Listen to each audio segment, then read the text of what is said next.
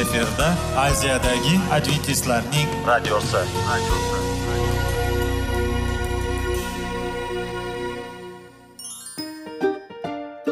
Assalomu alaykum aziz radio tinglovchilar. Sog'liq daqiqasi rubrikasiga xush kelibsiz. Zero tananing sog'lom bo'lishi va uning kasalliklardan saqlash har bir insonning burchi hisoblanadi. Inson uchun bebaho boylik bu sog'liq salomatlikdir. Uni asrash esa har birimizga omonat qilib berilgan. Shuning uchun ham inson o'z sog'lig'ini ehtiyot qilishi voajib amallardan hisoblanadi. Dono xalqimiz sog'liq tuman boylik deb bejiz aytmagan. Aql idroq sohibi bo'lgan inson o'z hayotini qadrlashi lozim bo'ladi. Hozirgi kunda qanchalik dori darmonlar ko'paymasin tibbiy muassa sifati shifokorlar vasiyasi tibbiy texnika yaxshilanmasin. Agar insonning o'z salomatligi haqida qayg'urmasa kutilgan natijaga erishib bo'lmaydi va biz sizlarga bizning dasturimizga xush kelibsiz deymiz.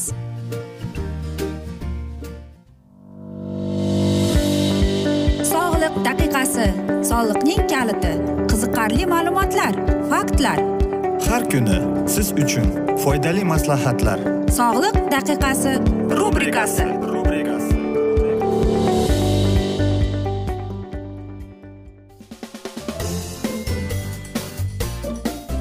assalomu alaykum aziz radio tinglovchilar. Dasturimizga xush kelibsiz va biz sizlar bilan besh daqiqa sog'liq uchun deb atalgan dasturda xushvaqt bo'ling deb aytamiz va dasturlarimizni boshlashdan avval sizlarga aytib o'tmoqchi edimki agar sizlarda savollaringiz tug'ilgan bo'lsa bizga whatsapp orqali murojaat etsangiz bo'ladi. Bizning whatsapp raqamimiz plyus bir uch yuz bir yetti yuz oltmish oltmish yetmish aziz do'stlar.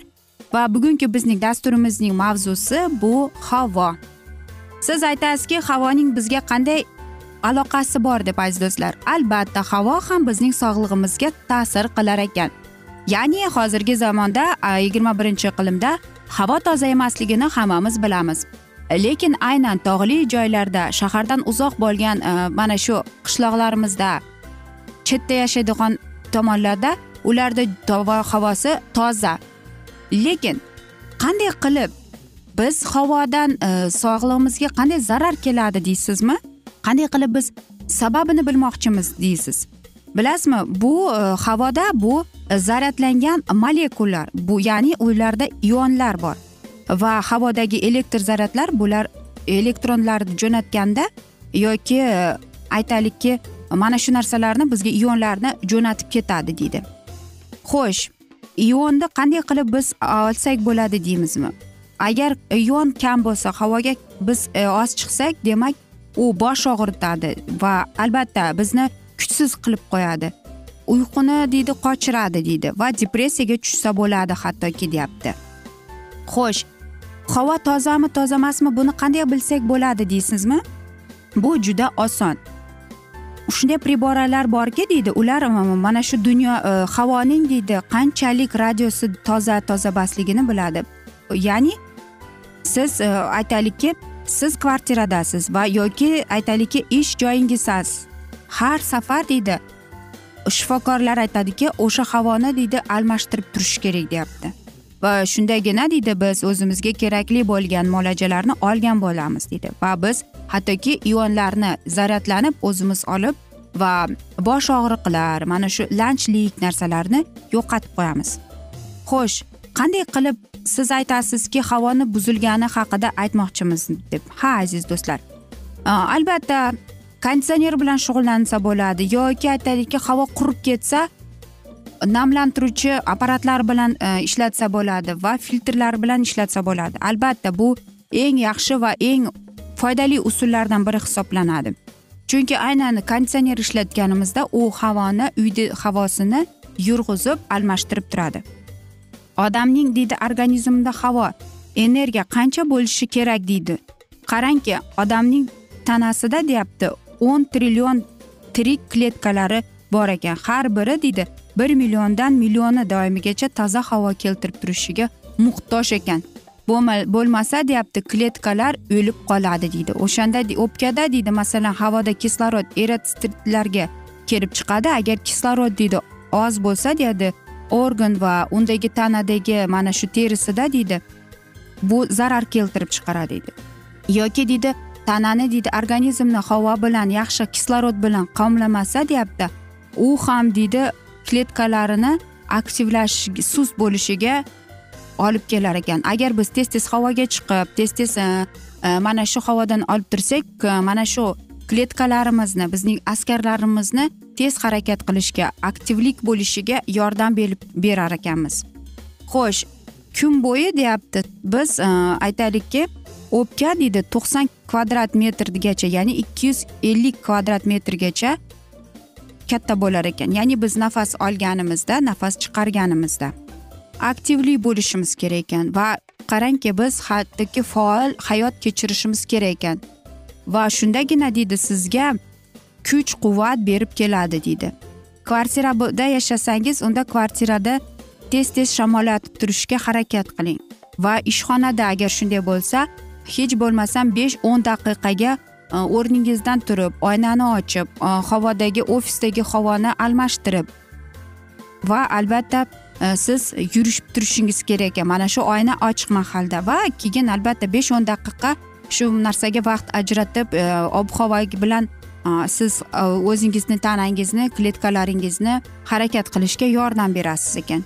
E, va albatta eng asosiysi siz sayrga chiqqaningizda aynan daraxtlar ko'p joyga ko'katlar bor joyga ko'proq e, sayr qilishga harakat qiling. Chunki aynan mana shunaqa joylarda havo toza bo'ladi va siz o'zingizni yengil his qilasiz.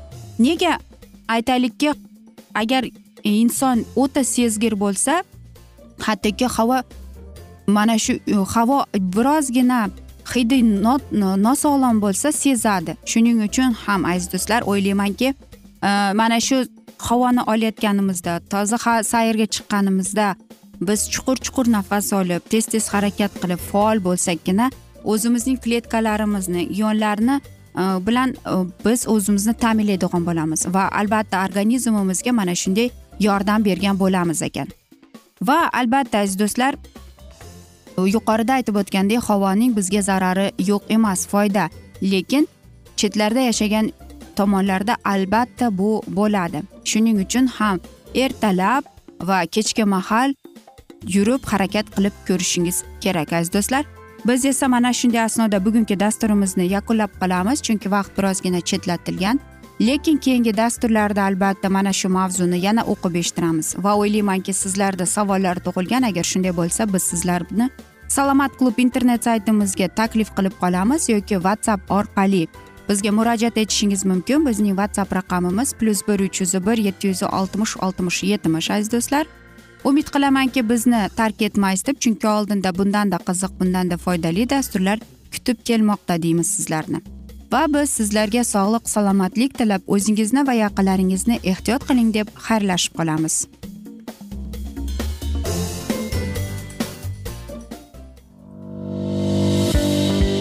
Sog'liq daqiqasi soliqning kaliti qiziqarli ma'lumotlar faktlar. Har kuni siz uchun foydali maslahatlar. Sog'liq daqiqasi rubrikasi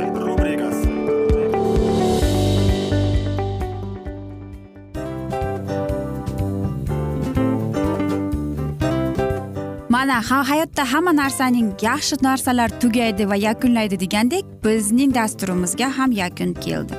O'ylaymanki bizning dasturimiz sizga foydali bo'ldi deb aziz radio tinglovchimiz. Va siz o'zingiz uchun kerakli xulosalar kerakli maslahatlar olib oldingiz. Aziz radio tinglovchimiz biz bilan qoling va keyingi dasturlarimiz albatta undanda qiziqroq bo'ladi. Mana shu alfozda sizlar bilan xayrlashib qolaman.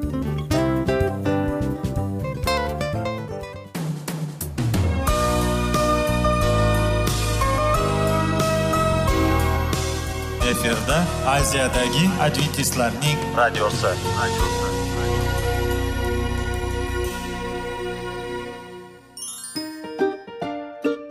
Assalomu alaykum aziz radio tinglovchilarimiz. Dil izhori dasturimizga xush kelibsiz. Pul insonni baxtli qiladimi? Albatta yo'q. Sog'liqchi. Albatta bo'lishi mumkindir. Lekin olimlar shuni isbotlashdiki to'liq va mukammal munosabatlar insonlarni baxtli qilar ekan.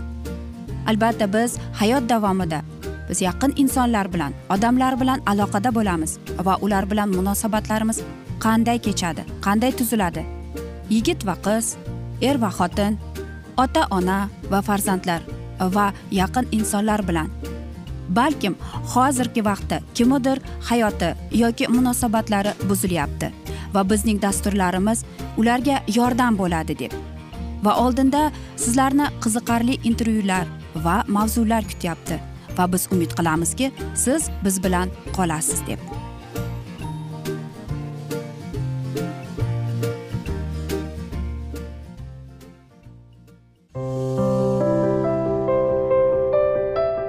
Har kuni har xil kasbdagi odamlar bilan sirlashish va bo'lishish sevgi rashq munosabat. Bularni hammasi dil izhori rubrikasida.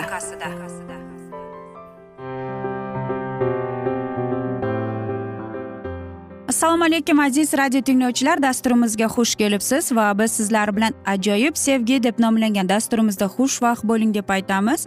Va bugungi bizning dasturimizning mavzusi bu fuqarolik nikoh deb ataladi va bu ikkinchi dasturdir. Albatta nega shunday tendensiya bo'lib qoldi? Ya'ni qarang ikki inson erkak va ayol ular mana shunday fuqarolik nikohga yo'l qo'ydi va ular bir biri bilan mana shunday nikoh qurishdan avval ular aytadiki biz bir birimizga mos kelamizmi to'g'ri kelamizmi yoki yo'qmi deb yashab ko'raylik deydi.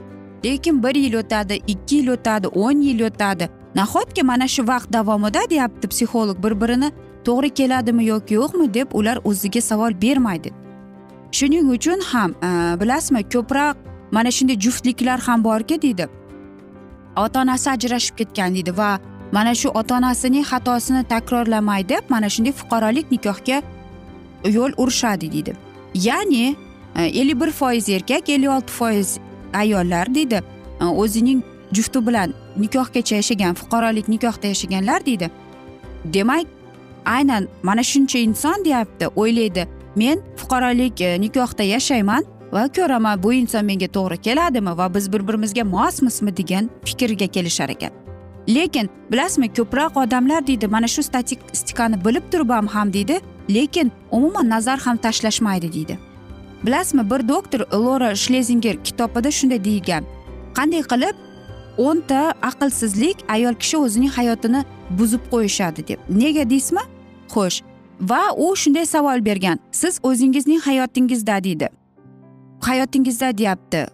O'ris ruletka o'ynashni xohlaysizmi? O'zingizni hayotingiz bilan. Nega?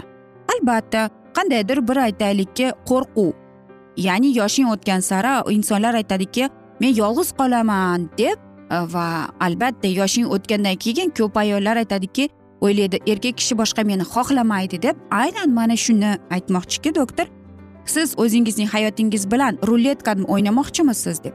Nega?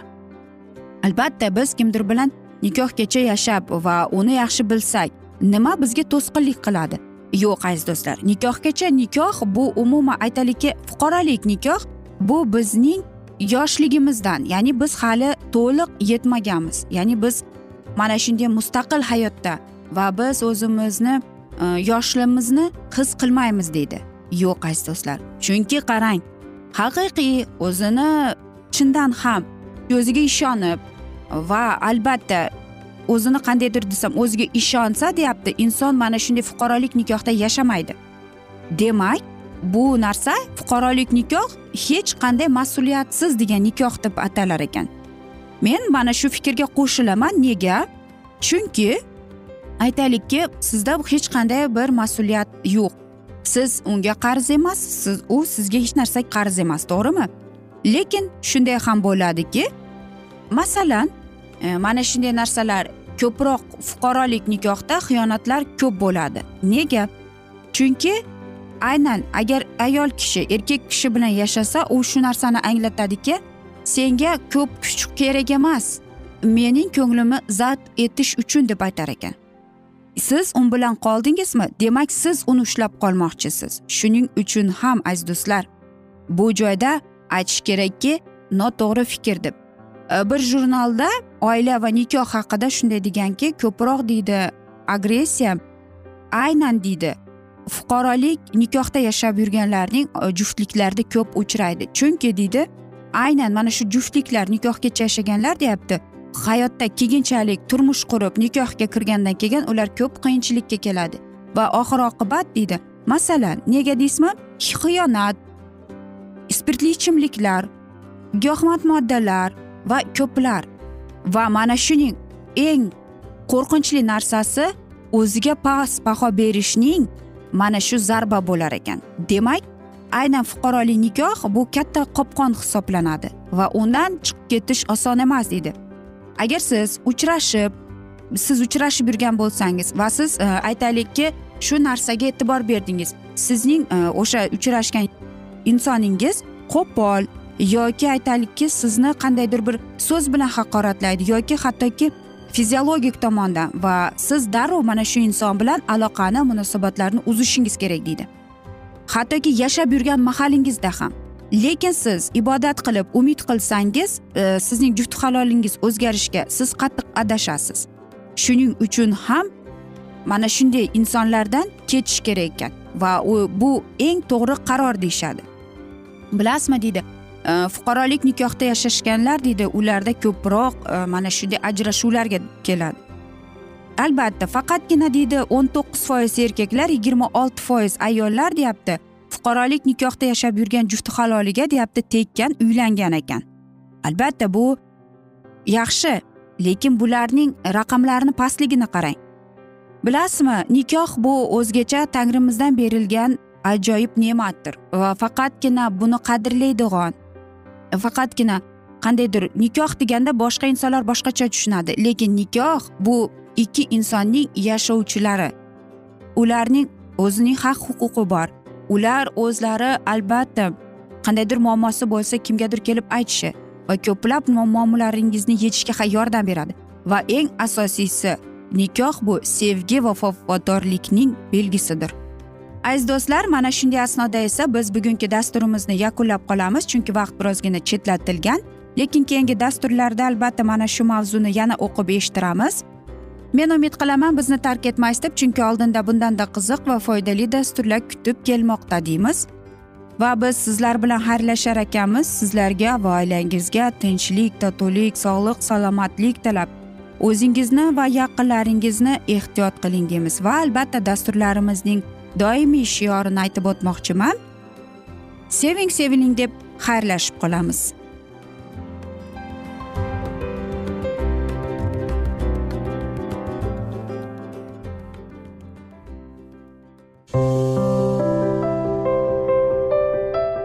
Har kuni har xil kasbdagi odamlar bilan sirlashish va bo'lishish sevgi rashq munosabat bularni hammasi dil izhori rubrikasida.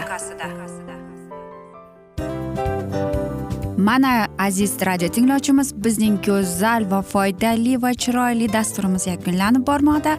Sizlarga birozgina maslahat berib o'tmoqchi edik. Bir biringizni seving qadringizga yeting va erkalang albatta bir biringizni va sizga judayam chiroyli va mustahkam munosabatlar tilab qolamiz albatta. Sevgilingiz doimo yoningizda bo'lsin. Mana shu borada sizlar bilan xayrlashib qolamiz.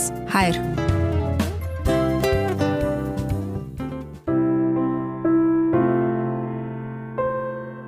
Hayotning noni qiziqtirgan savollar va javoblar. Buning hammasi ko'ngil uchun oziqa rubrikasida.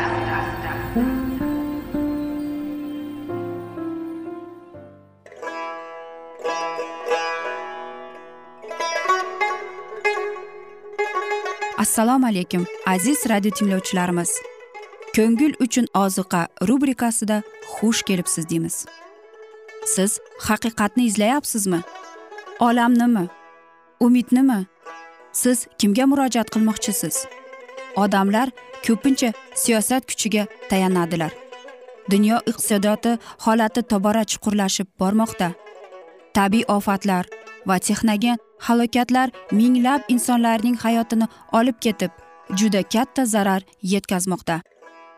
Sizga abadiy hayot inomini hadya qiluvchi va hayotingizni tubdan o'zgartiruvchi haqiqatni izlab toping.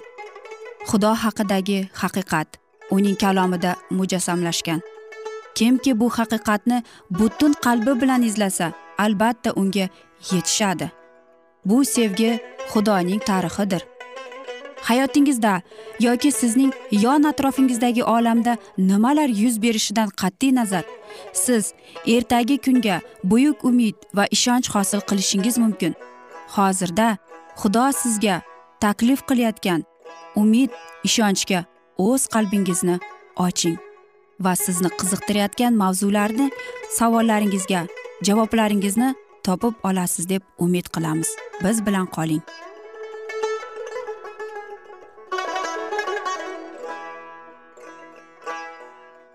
Assalomu alaykum aziz radio tinglovchilar. Dasturimizga xush kelibsiz va biz sizlar bilan ulug' otalar va payg'ambarlar deb nomlangan dasturimizda xushvaqt bo'ling deb aytamiz. Va bugungi bizning dasturimizning mavzusi dovud podshohlikka da'vat etilishi deb ataladi. Podshohning buyuk shahri qudusdan janubda bir necha masofa yo'l o'tishda baytlahm nomli shaharcha joylashgan edi. Bu shaharchada iso masih oxirida tug'ilib uni sharqdan munajimlarning ziyorat qilganini kelishlaridan ming yil oldin ishay o'g'li dovud tug'ildi. Najotgar yer yuziga kelishidan davrlar oldin o'smir dovud baytlahm atrofidagi tepaliklarda qo'ylarni boqqan edi. Kamtar bola cho'poncha o'rgangan ishiga band bo'lib o'zi ijod qilgan ashulalarni kuylardi. Gijakning ovozi esa uning muloyim yosh tovushiga qo'shilardi. Xudovand dovudni tanladi va cho'pon hayotining tanholigida unga kelgusi yillarda ishontirilgan mehnat uchun uni tayyorladi. Dovud o'z oddiy cho'ponlik ishi bilan shug'ullangan vaqtda xudovand shamoil payg'ambarga dedi isroil ustida podshoh bo'lmasligi uchun men tark etgan shovul to'g'risida qachongacha kuyasan? Buyrug'ingni moyila to'lg'azgin va borgin. Men seni baytlahimlik ishayga yuboryapman. Zeroki uning o'g'illari ichida men o'zimga podshohni topdim. Qo'lingga podadan g'o'jani olginda va xudovand degin men xudovandga qurbon keltirgani keldim degizsan va ishayni qurbonga taklif etgin. Nima qilishingni men senga aytaman va men senga egamning ustiga moy surasan. Shamoil xudovand unga aytganini qildi. Baytlahmga kelishi bilan shahar oqsoqollari larzaga tushib unga peshvoz chiqdilar. Tinchlikmi? Kelishingning sababi nima? dedilar ular. Va u javoban tinchlik dedi. Oqsoqollar xizmatga borish taklif qilishdi. Shomuil ishay va uning o'g'illarini ham chaqirib keldi. Qurbongoh tiklandi va qurbon keltirish uchun tayyorgarlik ko'rildi. Ishayning butun xonadoni yig'ildi. Faqat kichkintoy o'g'li dovud podalarni qo'riqlash uchun qoldirildi chunki so'rovni qoldirish xavfli edi. Qurbon keltirildi va ziyofat dasturxoniga o'tirishdan oldin shamoil avliyolik nazari bilan olijanob ko'rinadigan ishayning o'g'illarini qarab chiqdi. Elef katta o'g'il qiyofasi gavdasi go'zalligi bilan band juda shovulga o'xshardi. Uning ilhomlangan chehrasi benuqson badan tuzilishi payg'ambar e'tiborini jalb qildi. Uning podshohlik gavdasiga qarab shomuil to'g'ri ushbu xudovand oldida uning tayinlaganidir deb andishadan o'tkazdi va moylash uchun xudovandning ixtiyorini ko'tardi. Ammo azaldan bo'lgan tashqi qiyofaga e'tibor bermaydi. Elifda ilohiy qo'rqish degan narsa ko'rinmasdi. Agar u taxtga chiqqanda u mag'rur va jiddiy hokim bo'lardi. Xudovand shamoilga dedi uning tashqi qiyofasiga va baland gavdasiga qaramagin men uni tark etdim. Men odam qaraganday qaramayman. Zero odam yuziga qaraydi. Xudovand esa qalbga nazar soladi. Tashqi go'zallik xudovandga jon holatini namoyon qilmaydi. Donolik tabiat va xulq atrofning kamoloti insonning haqiqiy go'zalligini ifodalaydi. Xudovand bizni qabul qiladimi yo'qmi faqat ichki holatimiz o'zimiz va boshqalar to'g'risida fikr yuritganimizda qanchalik chuqur ushbu haqiqatga kirishimiz lozim. Shamoil tashqi qiyofaga qarab adashadi. Bu bizlar uchun namuna bo'lsin. Chehraning go'zalligida gavdaning azamatida asoslangan fikr naqadar arzimas yurak sirlarini tushunishda yoki ilohiy nasihatlarga yetishishda inson idroqi yuqoridan tushadigan maxsus yorug'liksiz ojizdir. Ilohiy niyatlar va uning ijodiga nisbatan yo'llari bizning cheklangan ongimizni o'tadi. Ammo bir narsada ishonchimiz komil bo'lsin. U o'z farzandlarini aynan shu sohaga yuboradiki xuddi shu sohada ular tayinlagan ishni bajara oladilar va uning ezgu rejalari inson o'zligi bilan buzilmasligi uchun ularning ixtiyoriy ilohiy irodaga bo'ysunadi. Shunday qilib elef nazariy sinovdan o'tmadi va payg'ambar xizmatga kelgan boshqa olti ukalarni qarab chiqdi. Ammo xudovand bittasida ham o'z e, saylovlarini to'xtatmadi. Intizor bo'lib shamoil oxirgi yigitga qarar edi. Sarosimaga tushgan payg'ambar hijolatda qoldi. U ishaydan so'radi. Hamma farzandlaring shu yerdami? Yana kichkinasi bor u qo'ylarni boqyapti dedi. Otasi javob berdi. Shamoil buyruq berib u kelmaguncha biz dasturxon yoniga o'tirmaymiz dedi va yigitni chaqirib kelishga buyurdi. Tanholikda bo'lgan cho'pon kutilmagan taklifga juda hayron bo'ldi. Tovut oldida yuborilgan odam baytlahimga kelgan payg'ambar haqida va uning ketidan kelganini aytib berdi. Isroil payg'ambari va hakami uni nima uchun qo'rmoqchi bo'lganini surishtirdi ammo kechikmay taklifga bo'ysundi u tiniq sochli ko'zlari chiroyli munavvar yuzli edi. Shomoil rohatlanib go'zal mardanavor kamtar cho'pon yigitga qarab turganida ilohiy ovoz payg'ambarga dedi o'rningdan turgin uni moylagin zero u o'shadir. Cho'ponlikda o'z kamtar ishi bilan shug'ullanib dovud mardlik va fidokorlikni ko'rsatardi. Va endi xudo uni o'z xalqiga bosh bo'lishiga tanladi. Va shamoil moy qo'yilgan buyruqni oldi va aqallari ichidan uni moylardi. Va shu kundan boshlab va kelgusi vaqtlarda xudovandning ruhi dovud ustida edi. Payg'ambar uni tayinlagan ishni bajardi va yengillashib ramaga qaytdi deydi. Shamoil o'z xatti harakatini maqsadini hatto ishayning xonadoniga ochmadi va shuning uchun dovudning moylashli sirli o'tdi. Aziz do'stlar mana shunday asnoda esa biz bugungi dasturimizni yakunlab qolamiz chunki vaqt birozgina chetlatilgan lekin keyingi dasturlarda albatta mana shu mavzuni yana o'qib eshittiramiz va afsuski vaqt chetlatilgan. Lekin o'ylaymanki hammada e, savollar tug'ilgan. Agar shunday bo'lsa bizlar bilan whatsapp orqali aloqaga chiqishingiz mumkin. Bizning whatsapp raqamimiz plyus bir uch yuz bir yetti yuz oltmish oltmish yetmish aziz do'stlar. Umid qilaman bizni tark etmaysiz deb chunki oldinda bundanda qiziq va foydali dasturlar kutib kelmoqda deymiz. Biz esa sizlarga va oilangizga tinchlik totuvlik tilab xayrlashib qolamiz.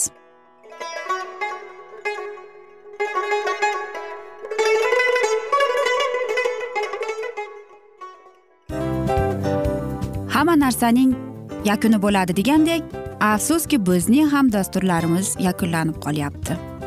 Va biz o'ylaymizki bizning dasturimizdan o'zingiz uchun kerakli va foydali maslahatlar olib oldingiz.